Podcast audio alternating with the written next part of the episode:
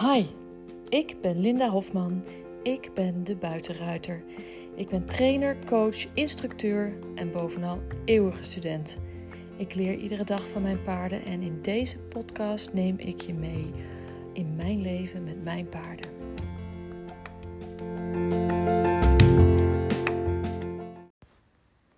Goedemiddag dames. Vandaag uh, niet eentje vanuit de auto, maar eentje vanuit mijn bed. Pardon, het is inmiddels uh, kwart over twee s middags. En vanochtend uh, ging ik heel vroeg de deur uit en kon ik mijn oortjes niet vinden. En zonder mijn oortjes kan ik geen podcast opnemen. En ik was al een beetje aan de late kant. En ik had mijn modderschoenen al, of mijn modderlaars al aan. Ik denk, ja, ik ga nu niet meer naar boven rennen. Want heb ik het hele huis vies. En, uh, dus uh, dan, dan maar even niet. Dus toen heb ik de podcast niet opgenomen vanochtend in de auto. Dus die moet ik nu opnemen. Nou ja, ik moet niks. Uh, dat wil ik dan nu opnemen.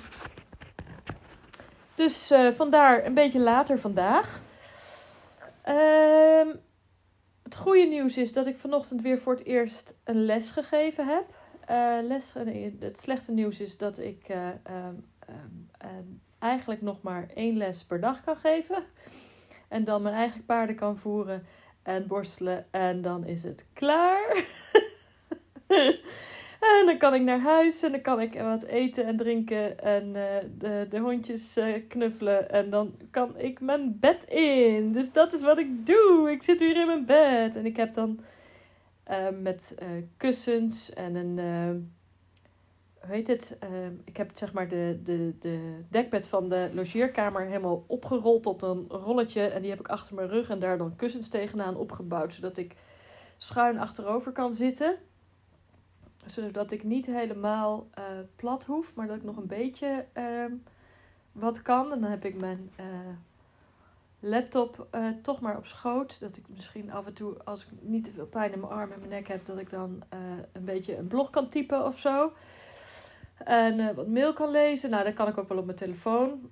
Uh, ja, gelukkig beginnen er weer wat mailtjes en dingetjes, berichten binnen te komen over mensen die um, een rijrokken aan het maken zijn en daar dan vragen over hebben. Dus dan heb ik een beetje afleiding. Maar het is natuurlijk gewoon doodsaai.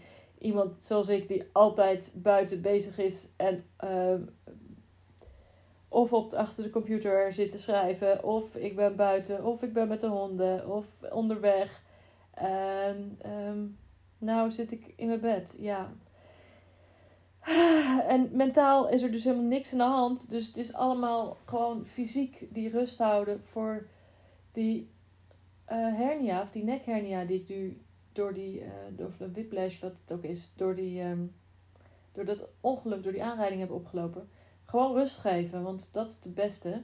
Ik mag dus wel bewegen. Ik mag in principe alles doen zolang de pijn het toelaat. En zodra de pijn te veel wordt, moet ik rust nemen. En dan is het, uh, hebben ze gezegd, uh, verwachting is vier tot zes weken dat het zeker gaat duren. Dus nou ja, gedoe, gedoe, gedoe. Ik ben in ieder geval blij. Um, heerlijk lesgegeven vanochtend aan uh, Annelies en, en Splendor. En Esplendor die was halverwege vreselijk aan het gapen. Want hij had heel hard moeten nadenken over um, de travershulp op de cirkel. En hij wilde er bijna een pirouette van maken. Dus, uh, en uh, Annelies die uh, rijdt het liefst op een nekroop. Die heeft eigenlijk vanaf dat ze voor de eerste keer op een nekroop heeft gereden... heeft het hoofdstel niet meer ingehangen. Dus die rijdt gewoon nu iedere les op een nekroop. Maar wij doen heel veel dressuurmatig werk met de nekroop. En uh, omdat je daarmee toch heel goed de schouder op kan begrenzen. En dat is echt wel heel erg leuk. Dus hij verbetert zich heel goed. En uh, hij is echt hard aan het nadenken. Het, hij doet het hartstikke leuk. Hij vindt het leuk. En hij krijgt echt zo'n guitig koppie als hij met nekroop gereden wordt. En uh, Annelies vindt het ook super leuk. Dus dat is tof. Maar waar ik het vandaag over wilde hebben, is over het stukje burn-out. Heel veel van mijn studenten zijn, uh, nou ze zijn allemaal vrouw, uh, maar het gros is, uh, is of heeft een burn-out gehad. En heeft daar dus mee te maken gehad. En ehm, is zichzelf voorbijgelopen in haar werk of thuis. En ehm, soms zijn ze nog aan het herstellen en soms zijn ze al een tijd hersteld. Maar als ze bij mij op les komen. Maar het probleem van ehm, vrouwen die een burn-out gehad hebben, is over het algemeen ook dat ze niet zo goed naar hun eigen lijf hebben geluisterd. En niet heel goed in staat zijn om hun eigen grenzen aan te geven aan uh, hun omgeving of op hun werk. En dan dus voor zichzelf niet helemaal helder hebben wat voor hen belangrijk is en wie zij zijn. En waar, waar hun grenzen liggen. Dus, uh, en dat noem ik persoonlijk leiderschap. En dat is dus ook precies waar die leiderschapslessen van mij over gaan. Dus over het nemen van persoonlijk leiderschap Ehm, ten opzichte van je paard. Het stellen van grenzen naar je paard. En dat gaat. Ehm, dat moet je niet zien als dat je ehm, heel stevig gaat staan en gaat zwiepen en zwaaien en allemaal gekke dingen gaat doen. Om maar jezelf heel erg op te blazen en groot te maken. Nee, ik wil juist dat je grenzen gaat stellen vanuit wie jij bent. Dus uh, eigenlijk alle dames die les hebben van mij, die zijn um, redelijk uh, pacifistisch van zichzelf, willen graag aardig gevonden worden, zijn niet op zoek naar ruzie en confrontatie. En um, vinden daarom dat uh, grenzen stellen ook heel moeilijk. Dus leer ik ze op een niet confronterende manier um, wel duidelijk aangeven met heel veel geduld en heel veel compassie ook naar hun partner in crime, het paard, uh, toe en naar zichzelf toe om die grenzen te stellen. Um, en dat niet confronterende manier je grenzen stellen is zo belangrijk. Um, omdat je namelijk um, dan je grenzen kan stellen vanuit het hier en nu. Vanuit rustige energie. Uh, niet vanuit een uh, uh, frustratie en boosheid en Um, het gevoel dat er niemand is die naar je luistert en iedereen maar over je heen loopt enzovoort. Maar juist om daar in, deze, in mijn luisterschapslessen leer je juist al eerder te anticiperen, al op de kleinere signalen. Um, niet te confronteren, wel te reageren. En vaak is het reageren door precies het omgekeerde te doen. Of even de andere kant op te lopen. Of je paard te vragen om even weer bij jou te komen. Want die bent stop bijvoorbeeld is niet alleen maar een manier om je paard tot rust te krijgen en weer uh, zelf zijn stop te vinden en zelfs ontspanning te vinden. Maar het is ook een manier om je paard te vragen om vanuit het uh, ver weg kijken en opletten, om weer even in het hier en nu bij jou te zijn. Even aandacht voor jou te hebben, even jou weer te zien, dat je samen verder kunt. Dus uh, daar uh, geef ik echt les in. En dat is wat ik noem het persoonlijke leiderschap. En uh, dat is dus dat is waar veel van mijn studenten eh, moeite mee hebben en tegenaan lopen. En je ziet het dat ze het dan geleerd hebben van mij om dat te doen. En dan kunnen ze de oefening goed uitvoeren. Maar zodra ze mij iets staan te vertellen of iets staan uit te leggen of aan het luisteren zijn naar mij, dan um, gaat het mis. Dan gaan ze, vallen ze terug in hun automatisme. en dan zie je ze de dingen, de, dezelfde fouten weer maken. Dus dat is het allermoeilijkste voor ze om dat te gaan automatiseren. Hè? en dan overal in je leven dit, grenzen op tijd aan te geven. Dus niet pas te wachten tot de ander uh, helemaal over je grens gebombardeerd is en jij plat op de grond ligt en je denkt: um, oh jee, wat is me nu gebeurd? Maar al voordat de grens bereikt is, aangeven van hé, hey, um, ik zie dat de grens bijna bereikt is, maar daar is de grens. Weet je het nog?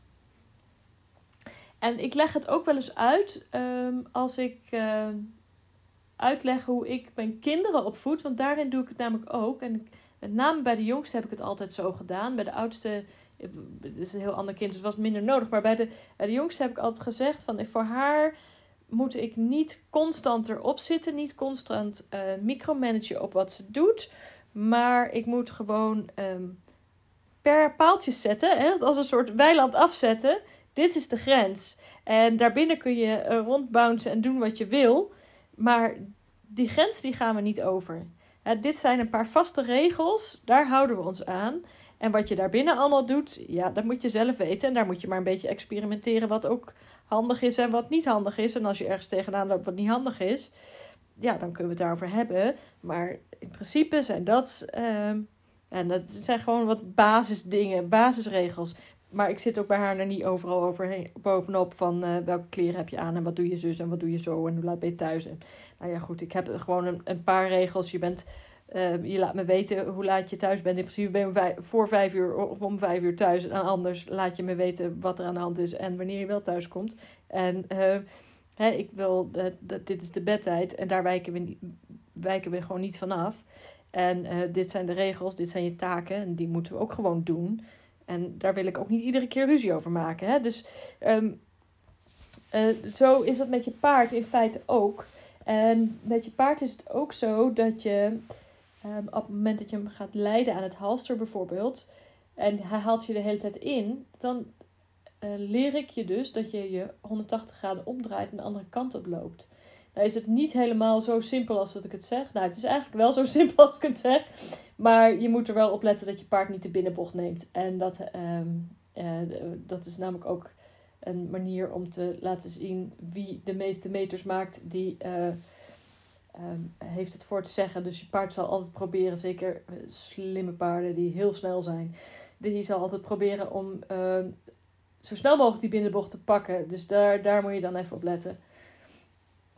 Uh, maar door dan zonder ehm, slaan, schoppen, schreeuwen, schelden, uh, rondzwiepen, zwaaien, allerlei ander, ja, wat ik agressief gedrag vind. Omdat je daar moet jij je energie voor verhogen.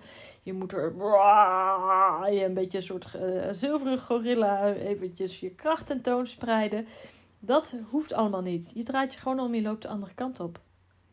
En dan doet die leidlijn, die doet het werk. Want op een gegeven moment spant die lijn zich aan en je loopt gewoon door. Ja, en dan is het kiezen of delen.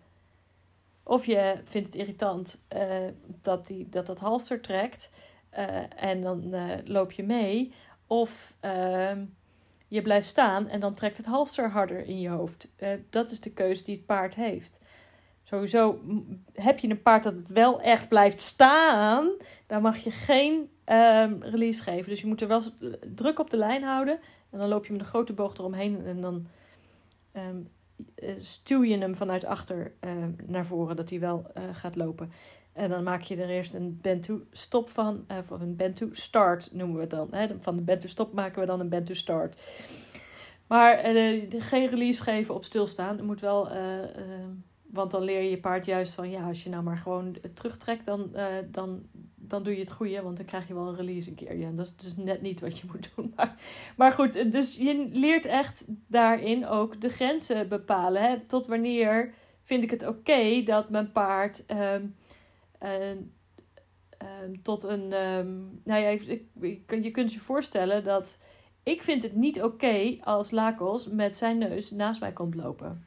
Tenzij ik hem dat vraag of ik hem uh, daar plaats. Maar in principe, als, hij, als ik hem door de uh, wei leid of ergens anders over een pad leid aan een halster, verwacht ik dat hij achter me blijft. Als ik het idee heb dat hij me te veel gaat lopen stuwen, mij gaat lopen duwen, dan uh, draai ik even om, loop ik even de andere kant op. En zet ik hem ook even op die manier op de plek van: ja, jongen, jij bepaalt hier niet uh, de richting en tempo. Ik bepaal de richting en tempo. En dat geduw en gestuw, daar heb ik geen zin in. Maar dat doe ik niet door te gaan lopen zwiepen en zwaaien. Dat doe ik door gewoon om te draaien en de andere kant op te lopen. Net de kant die hij niet op wilde, zeg maar. Net op te stuwen. Hij, hij heeft nogal de neiging om gauw naar huis te willen. Um, hij is heel erg uh, kudde gebonden. um, als je daar interesse in hebt om daar wat over te weten, dus heb ik ook wel wat, wat podcastafleveringen over opgenomen. En er zijn ook uh, filmpjes van. Uh, op YouTube een hele serie van vijf filmpjes waar ik van alles uitleg. En ja, daar, zijn, daar zijn ook een heleboel dingen. Er is ook wel een blog over. Dus ehm, ik, ik bepaal richting en snelheid als we lopen en niet het paard. En ik bepaal ook wat ik als ehm, mijn bubbel heb. Dus als ik met, ehm, met twee paarden tegelijk aan één lijn loop, dan kan ik ze ook tegelijk in één hand houden. Twee lijklijnen in één hand. En dan kan ik lopen en dan moeten ze gewoon met z'n tweeën achter me blijven. Ik accepteer niet dat ze dan er voorbij gaan lopen. Doen ze dat wel, dan draai ik me om, loop de andere kant op. En dan moeten ze zich omdraaien. En dan zorg ik er wel altijd voor dat degene die uh, te veel liep te duwen en te stuwen en eigenlijk de, het, het probleem veroorzaakte, dat ik die in de buitenbocht heb. Want als je ze met z'n tweeën hebt, moet je er altijd één in de binnenbocht en één in de buitenbocht hebben natuurlijk. Van de paarden. Dus ik uh, zorg dan dat degene die te veel liep te stuwen, die krijgt de buitenbocht en de ander krijgt de binnenbocht. Dus uh, zo, zo los ik dat op. Um, maar door dit te doen en daar dus consequent met je paard mee bezig te zijn, consequent te zien dat je paard ook een persoonlijke ruimte heeft en uh, dat hij dat soms ook lekkerder vindt als je daar eventjes uitblijft. En dat je er niet de hele tijd om zijn nek hangt en hem uh, te dicht onder het uh, halster pakt of te dicht onder de, de, het bit pakt. Te veel in zijn nek en om zijn neus heen loopt te duwen en te trekken dat vinden paarden ook fijn als, ze wat, als jij een beetje uit hun persoonlijke bubbel blijft, zeg maar. Dus dat is een, een wederzijds gedrag. Dus het is heel fijn voor die Amazones om dan te zien dat als zij respect hebben voor de grenzen van hun paard, heeft het paard ook respect voor de grenzen van hen. En omdat zij zo gewend zijn om zelf geen uh, uh, persoonlijke ruimtegrenzen te stellen, in hun werk niet en in hun privé niet, um, zijn ze te veel aan het micromanagen op dingen die er niet toe doen en kunnen ze dat ook meer loslaten. Dus het, is, het werkt uh, voor allebei, beide kanten op. En zowel voor je persoonlijke ontwikkeling als voor je ontwikkeling met je paard is het dus goed om voordat Ehm, je echt in je irritatie zit en voor, of in je frustratie zit, al de grens even eh, te laten zien en duidelijk te maken van hé, hey, dit was het, weet je het nog? En dan uh, hoef je niet vanuit een boosheid of frustratie te reageren, maar dan kan je op een non-confrontatie, op een non-confronterende manier met je paard leren omgaan en ook in je persoonlijke leven leren omgaan. Want uiteindelijk spiegelen paarden natuurlijk gewoon ons eigen gedrag dat we ook op andere momenten hebben. Dus daar kun je van leren. Dus dit was heel eventjes een uh, opname over persoonlijk leiderschap um, en persoonlijke ruimtes. Alright, dit was hem voor vandaag. Morgen horen jullie mij weer. Doeg!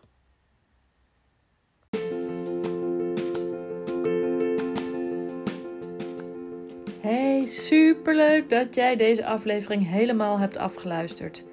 Heb jij ook al mijn e-book gedownload? Zo niet, ga dan naar mijn website www.lindahofman.nl en download mijn gratis e-book Angstige ruiters en gespannen paarden.